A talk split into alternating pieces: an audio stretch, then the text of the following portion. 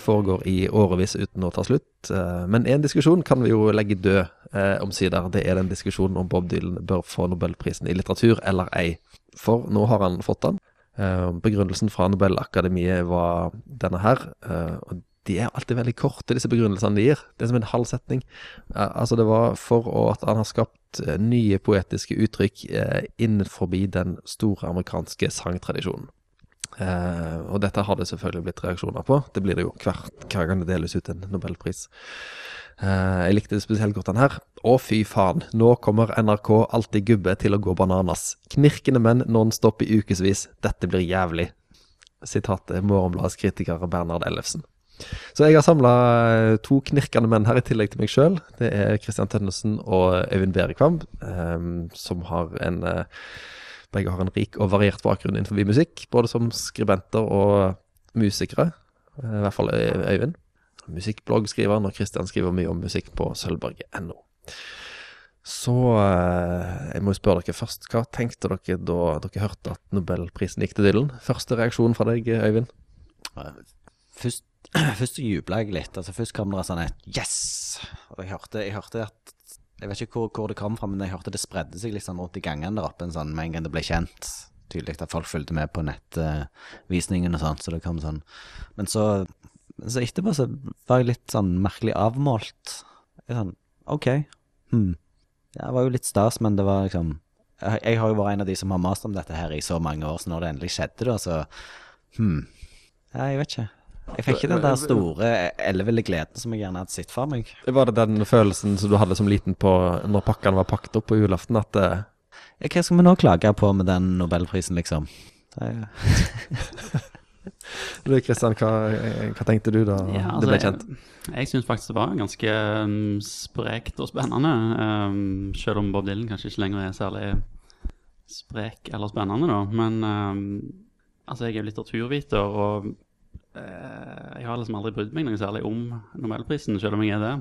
Uh, og det er kanskje fordi altså, forfatterskapene til mange av de tidligere vinnerne ikke lenger blir lest. Selvfølgelig noen av de, men mange er liksom Ja, skaper ikke så mye engasjement, da. Og så er det òg det faktum at minst fire av de aller største forfatterne i moderne tid ikke har fått Nobelprisen. Da må du selvfølgelig nevne hvem det er. Ja, da tenker jeg på Proust, Virginia Woolf, eh, James Joyce og Borges, altså fra Ok, Så det at de, de avdøde forfatterne ikke har fått den, Det har liksom gjort at det jeg har, ja, mista litt interessen liksom, for, eh, for det, og ofte er det jo navn vi ikke har hørt om, da. Uh, eksempel når Patrick Modiano vant den, så var det jo vel kun én på hele Kulturhuset som kjente til han, og han hadde bodd i Frankrike en del år. Eh, så eh, en, av 70 på Sølvberget.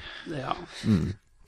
Så jeg tenkte liksom at dette her Dette er i hvert fall en, en anerkjennelse av en annen og mer folkelig tradisjon da innenfor litteraturhistorien, Mm. som faktisk går helt tilbake til, til antikkens Hellas. Altså med um, Der poesien var helt utenkelig uten, uten musikk, og da særlig lyre, da, altså der ordet lyrikk kommer fra.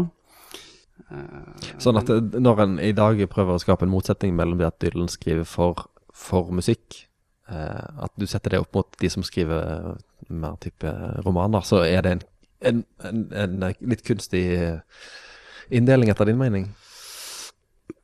ja, Altså det at, at det ikke er noen motsetning mellom det at du skriver med tanke på at det skal synges?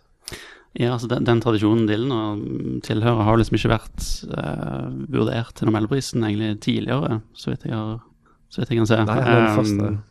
Men selvfølgelig, altså hvis, hvis kriteriene til Nobelprisen kun baserte seg på en kvalitativ litteraturvitenskapelig analyse av tekstene svart på hvitt, så tror jeg de fleste litteraturvitere vil konkludere med at prisen kanskje burde gått en annen. F.eks. den syriske Adonis, som har vært en kandidat i mange år. Eh, og altså moderne poesi, eksempel, da. Eh, de har jo ikke andre virkemidler enn språket å forholde seg til. Og da har de gått veldig dypt inn i, i språket, til, nest, til nesten har blitt en sånn hermetisk, helt lukka eh, form for litteratur. Eh, så men Stillen og, sånt, han, han forholder seg helt til musikk. Eh, og altså tekstene hans sammen med musikk, de, de bør nesten ses i sammenheng med musikk, føler jeg. Da, da blir det en eh, altså, Da kommer det inn en ny dimensjon, og det blir en ekstra kraft bak ordene, da, som eh, ordene kan få nye meninger og ja. Nettopp. Ja. Mhm. Ehm, hvis en skal prøve å gå mer inn i Dylan sitt uh, forfatterskap her, hva, hva deler av karrieren hans er det han får prisen for, tror du, Øyvind? Jeg, er jo eh, ganske lei av å høre Dylan bli omtalt som protestsanger av alle, i alle nyhetssendinger og alle sånn, leksikontekster ennå. Det var tre år av karrieren hans som han måtte slite, fortsatt sliter med. Spør du 90 av eh, verdens befolkning, så vil de fortsatt nevne 'Blowing the Wind'. Dessverre. Men jeg, jeg håper og tror at han får prisen for eh, for den drøyeste amfetamindrevne perioden, sånn eh, fra, fra 65, 66, 67, når han var eh, Det var jo da han, det var da han forandra rocken fullstendig. Han snudde opp ned på alt. Og han satt med skrivemaskinen sin og hamra ut eh, det mest elleville du kan tenke deg. Men satte òg fantastiske melodier til dette her, og omga seg med formidable musikere som òg løfta det fram. Altså uh, Desolation Row, Visions of Johanna, det er fullt på Altså, det, fantastiske tekster, altså, men det ville aldri falt meg inn å lese de. Altså, det er at han, okay. alle klager på at Dylan ikke kan synge. Han kan ikke synge. Synger helt forferdelig, synger seg kråke i det hele tatt. Men han er en fantastisk formidler og en vokalist i verdensklasse. Selv om han ikke er verdens beste sanger, så er han en av verdens beste vokalister og formidlere. Og um, altså, de som mener noe annet, de, de syns vi skal binde fast en stol og tvinge de til å sitte gjennom hele Desolation Row eller hele Visions of Johanna, og så se om de ikke vil innrømme at det er høy kvalitet her til slutt. Eh, og jeg vet at du er veldig glad i en litt mer underkjent periode i uh, produksjonen hans, mot slutten av 70-tallet, ikke det riktig? Jo, hvis du skal sånn Favorittalbum, så, så, så er det jo uh, Street Legal for meg fra, fra 78. Eh, fordi at der er, altså der er melodiene like bra som tekstene. Der er liksom, går det opp, for meg går det opp i en høyere enhet der. der er, altså han har alltid vært underkjent som melodisnekker òg. Det var masse fabelaktige melodier i det han har gjort. Og, og tar du vekk det, så, så tar du vekk en veldig stor del av det han holdt på med. Um, men um, det er klart han kunne fått det for den perioden som jeg nevnte, fra altså, siste halvdelen, eller ikke siste halvdelen, men fra midten av 60-tallet og ut, de tre-fire år der. Man kunne òg fått det fra, fra Blood on Tracks eh, til Seier-perioden. Det er jo de to store epokene. Så har han hatt et par, eh, par eh, bra comeback eh, oppi, oppimellom, men der er, der er mer nok til å forsvare prisen. Men spørsmålet er jo, er jo viktig. Hva, hva vil prisen gjøre med, med Dylan? Kom, altså, jeg håper jo at flere folk vil høre på platene til Dylan, men jeg er jo redd at prisen kommer til å bare føre til at flere sånne som oss sitter og snakker om Dylan. Det blir bare eh, enda mer knirkete gubber som sitter det kan bli og flere professorer som skal snakke om dette, og flere fag på universitetene og sånt. Jeg, jeg er redd de eh, Jeg er redd de tar det litt for langt vekk fra, fra, fra musikken, fra rocken, fra platene, rett og slett. Mm. Uh, har du en favoritt-Dylan-periode, Christian? Det er nok den samme perioden som Øyvind nevnte, altså fra 64 til 66-67. Um, og der, Det er kanskje tekstene fra den perioden som i størst grad setter han i forbindelse òg med moderne amerikansk og europeisk litteraturhistorie. Um, det er liksom tydelig der at han beveger seg innover i språket og poesiens muligheter uh, på lignende måte som mer sånn papirpoeter gjør, da. Um, der, ja, der um, poesien er liksom en slags sånn språklaboratorium og, og sånt. Så, ja. Eh, Når fredsprisen blir gitt til litt sånne rare mottakere, så pleier alltid media å, å, å peke på Nobels testamente, hvor han har veldig klare føringer for hvem som skal få fredsprisen. Det er de som bidrar til å redusere de stående armeene, eller det er veldig sånn eh, Ganske sånn lett om å se om den som har vunnet, har bidratt i den retningen. Og det fins jo en, eh, en eh, kriterier for Nobelprisen i litteratur også, og det er at det skal gå til Prisen skal gå til den som innenfor litteraturen har produsert det mest utmerkede i idealistisk retning. Um, jeg tror dere Dylan er komfortabel med å få en pris som hadde det som eh, bakgrunn. Han har jo brukt 50 år på å distansere seg fra proteststempelet. Nei, men Dylan har jo brukt hele karrieren på å distansere seg fra seg sjøl. Altså, hver gang noen har prøvd å fortelle, fortelle folk hva, hva Dylan er, så har han jo distansert seg fra det igjen. Så det, det er ikke lett. Men uh, jeg tror han, eh, jeg tror han uh, er møkka lei av den der protestdelen av karrieren. Og den, og den var Altså, klart, det var jo det som, som, som ga han det store gjennombruddet, men, men alle glemmer jo at han var en sånn ekstrem opportunist, og han kasta seg på en bølge som foregikk. Altså, han ble kompis med, med John Baez og, og, ble med i disse her For han så at det var det som var og det som var hot akkurat da. Altså, det, det lå bare kynisme bak 'Blowing in the Wind'? Stor del, stor dose kynisme lå tilbake det, selvfølgelig. Så så han jo Men så, for det er jo ikke tilfeldig plutselig så så han at ei, da kom noen fra da kom fire gutter fra Liverpool og forandra litt sånne ting. Kanskje må se at det, eh, ungdommen har litt sans for det. Kanskje jeg må prøve meg på den. Og så kastet han seg jo Gikk han jo videre der. Så det er okay. klart, han visste jo hva han holdt på med. Men kristenperioden hans, da? Hva er det da han har fått for seg? Det er ikke godt å si. Musikalsk så er det jo en, en ganske kul eh, periode, egentlig. Altså, hører, nå kommer jo snart en uh, bootleg series med, med opptak fra, fra 79 og tidlig på 80-tallet. Så det, det, skal bli spennende å høre. Mm. Der er det mange kule uh, mm. Men hva han lette etter, og hva han fant akkurat i den perioden, det er ikke, ikke gitt noen å forstå, tror jeg. Og, og det å gå over til kristenrock når alle andre driver med punk, det er jo ganske Da går du din egen vei, iallfall.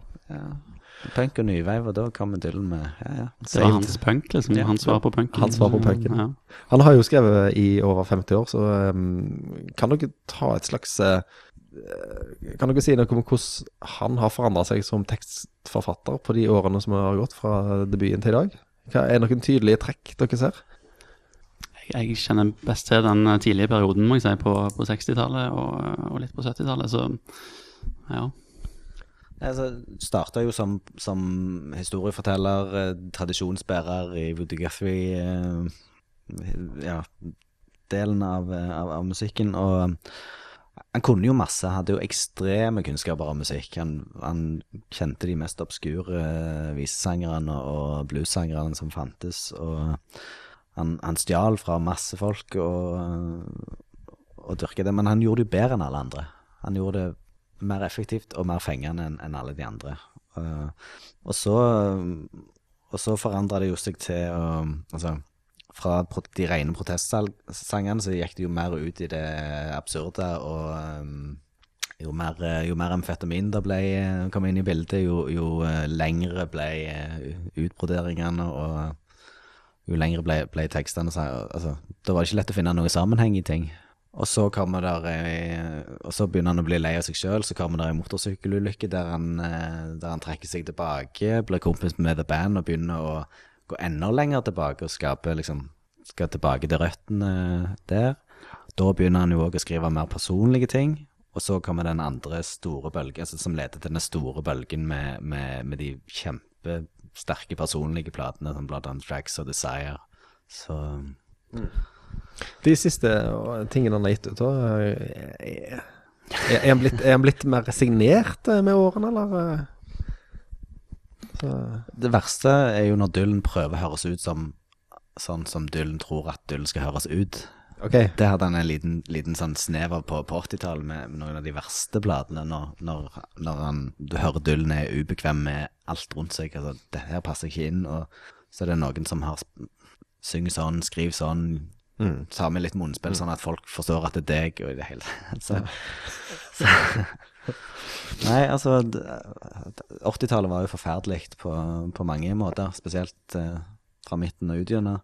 Og lyspunktet var jo 'Traveling Wilburys', som ga Dylan en, en, anledning til å liksom senke skuldrene sammen med en kompisgjeng, og hadde ingen liksom hadde store forventninger til han. Det er kanskje ikke de tekstene han får Nobelprisen for? Ja, 'Tweeter and the Monkey Man' er en fantastisk tekst. Okay. Ja, men uh, 'Congratulations' er kanskje ikke et høydepunkt. Sant? Men, men at Dylan koste seg igjen da med musikk, og det, det var jo verdifullt. Ja. Så gikk det ikke så mange år før, før det første comebacket med, med, med Daniel Lanois kom. Mm. Så mm. var han i gang igjen, liksom. Uh, ok, uh, kan dere gi folk uh, tre plater hver vi bør begynne med? Ja, da, da ville jeg begynt med um, Highway 61, Revisited, og um, on Blond og Blood on the Tracks, kanskje. Som uh, Ja. Øyvind? Ja, nå skriver han. Det, nå noterer jeg nå, for dette forandrer seg jo hele veien. Okay. Det er, Street Legal er mi, mitt favorittalbum. Um, I hvor stor Er grad det sånn plagsomt, de der, blå- de der koristene der? Blå- mange som ikke liker blåserekke og- Nei, blåserne og, og, og koristene, eh, jabbete innslag. Nei, unnskyld meg. Det, det var kommer jo litt an på hvor du var. Altså, jeg er jo så eh, sånn bastard. Altså, når jeg vokste opp, så hadde mor mi eh, Mor mi hadde bare to, eh, to Bob Dylan-plater i samlingen. Den ene var Desire, den andre var jo min favoritt. da Dylan Live at Budokan. Altså, det er den mest hata liveplata i Dylans karriere. Jeg elsket den. Sant? For det første, dette var enkle, gjennomførte arrangementer. Dylan sang rent. Pluss at du hadde et tjukt og fyldig teksthefte med alle tekstene. Så det var liksom første gangen jeg ble eksponert for ok, bra melodi, bra tekst.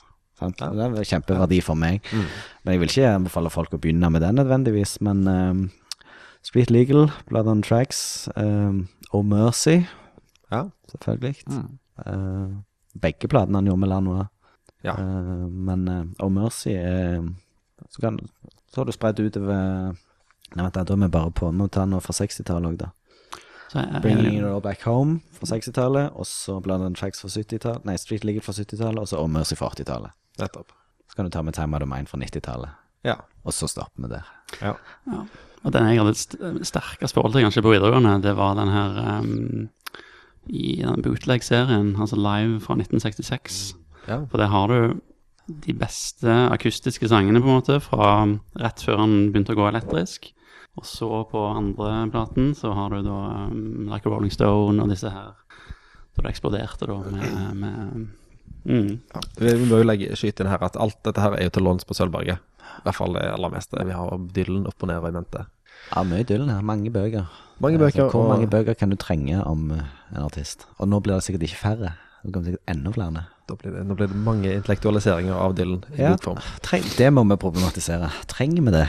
Ja, men Ja den, Jeg, jeg bare, jeg, sånn, bare den perioden vi har vært igjennom nå de siste årene. Sånn, Prins dør, da har du 20 sider i VG Dagblad, og så dør eh, David Bowie, så har du det samme. Og det har jo vært en hel haug med folk som har vandra heden av de store rockestjernene. Har de spart noe til Dylan der, eller til McCartney-døren, nå? Har de noe igjen å gi, liksom? Er du bekymra for tjukkelsen på VG? Den Jeg tar ikke eh, tenke på hvordan? VG kommer til å se ut den dagen Bob Dylan dør. Er sånn- Nei, de har nok, de har nok eh, litt liggende. Det kan bli ei hel uke med bare Bob Dylan. Ja. Men vi får håpe han eh, overlever Nobelseremonien, iallfall. Nå er det siste ryktet at han har tenkt å komme. Eh, det som skrives, iallfall. At han kommer til Stockholm. Eh, bare for å se litt videre da, hva denne prisen kan bety. Um, er, det, er det andre sangtekstskrivere dere tror kan, være, kan få Nobelprisen, eller kommer ikke dette til å skje igjen på, på eh, mange år? Jeg tror ikke det kommer til å skje, fordi de har gitt den til Bob Dylan for Ikke bare for hans, for hans produksjon, men for, for å være symbol på en hele På de 50 årene med pop og rocken har hatt. Ok, Så nå er liksom det ut av veien? Så kan de gå tilbake igjen til smale Altså De har gitt den til Dylan, for, og da oppsummerer de Da tar de liksom alt fra Robert Johnson fram til i dag av populærkultur og popmusikk, Ok. tror jeg. Så det er et slags sånn sveip? Egentlig, egentlig ja. Um, Ja. Der, men altså, klart, det er jo, der er jo låtskriver som har vært oppe på Dylan sitt nivå, men jeg tror aldri Jeg tror ikke vi kommer til å se det de neste Vi kan jo samles igjen om 30-40 år og så se, men jeg tror ikke, jeg tror ikke det. Tans van Sant Cohen, kanskje. Cohen, kanskje. Men han dør vel snart, så da må det bli posthumt. Ja. ja. Uh, da tenkte jeg helt til slutt kunne, Hvordan Klarer dere liksom å si med få ord hva, er, hva det er med Dylan sin poesi som skiller den fra andre låtskrivere? Som gjør at, at han har uh, utmerka seg i så manges eh, mening? med få ord. Eller mange ord, Det. Nei, men, men, men alle har Det er vanskelig å si det, for alle har så mange Det er så mange Dylaner. Det altså, det er så mange som har sin Dylan. Altså, min Dylan er protestbevegelsen. Min Dylan var skjære deg i armen, eh, triste sang, sangene fra 70-tallet, liksom. Min Dylan var så, så det altså det, finnes jo ingen seriøse mennesker som har fulgt hele eh, produksjonen, altså liker alt. Eh, jo, det, er jo sikkert noen stakkars mennesker, men Men eh, altså, for meg er det noe som Det er noe nokså ubeskrivelig som skjer når, når du har de, de ordene som ikke altså, som, som, som treffer melodien og stemmen.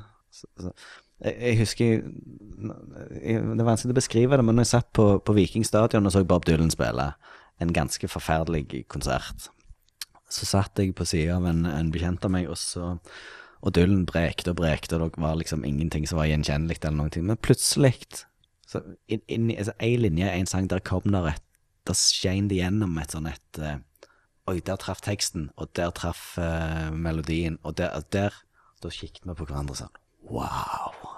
Og, og det var nesten bare det som var å skrive gjennom på den, men da ble vi liksom påminnet om hva, hva det var med Dylan som, som traff oss så voldsomt. Så, Så er det vel det at han, han i langt større grad enn mange andre låtskrivere forholder seg aktivt til, til litteratur, litteraturhistorien. Eh, klassikere. Og, altså, du, kunne- det var liksom via Dylan at jeg ble oppmerksom på T.S. Eliot, Ezra Pound, eh, Allen Ginsberg, beatpoetene. Og, ja, han har et veldig bevisst forhold til den tradisjonen. Da. Eh, ja. Mm. Så han er, han er klar over at han, han går inn i en tradisjon, selv om han hater merkelapper. Ja. I'm a poet, I hope I don't blow it. ja. I'm a poet and I know it, I hope I don't blow it. Hvis vi kan se En annen debatt som har pågått i årevis eh, før Dylan fikk prisen, nå, var jo at det var så få amerikanere som fikk nobelprisen. Sant? Det var jo sist Tony Morrison i 1993, som jo begynner å bli en del år siden. Betyr denne prisen til Dylan nå at eh, disse andre amerikanerne som er oppe hvert år, aldri kommer til å få noen nobelpris? Altså Thomas Pynchon, Don DeLillo, Philip Roth. Kan de bare glemme det? Ja, Jeg tror ikke det har noe med at de er amerikanske å. Altså det, jeg har lært om at punsjen så er det veldig delte meninger i, i akademia liksom, hva, om, om det er bra eller ikke. Og, ja. Derfor Innen Dylan, innen det Dylan har holdt på med, så, er, så kunne det ikke gått til noe annet enn en, eh, en amerikaner. Altså, muligens en brite, men, men altså det, det som altså, Pop og rocken var jo altså, Du kan si hva du vil om eh, altså, Det var pop og rocken som gjorde at engelsk har blitt det store verdensspråket. ja og film, kanskje? Ja, mest, mest musikken. Altså f- f- 60-tallet og um, Beatles og, og, og Dylan og hele den popbølgen der gjorde at uh, Så, så da trenger ikke noe å si for Men kanskje de uh, snakket om andre mulige Mulige i samme sjanger, da. Så det en du skal nevne én. Du skal nevne en kvinne òg, for det kommer jo ikke til å bli nevnt. For han kan du gi det til en canadier og gi, gi prisen til Johnny Mitchell, som muligens er den eneste som er i nærheten. Ja. Som òg har sine beste år et godt stykke bak i tid, kan en si. Ja.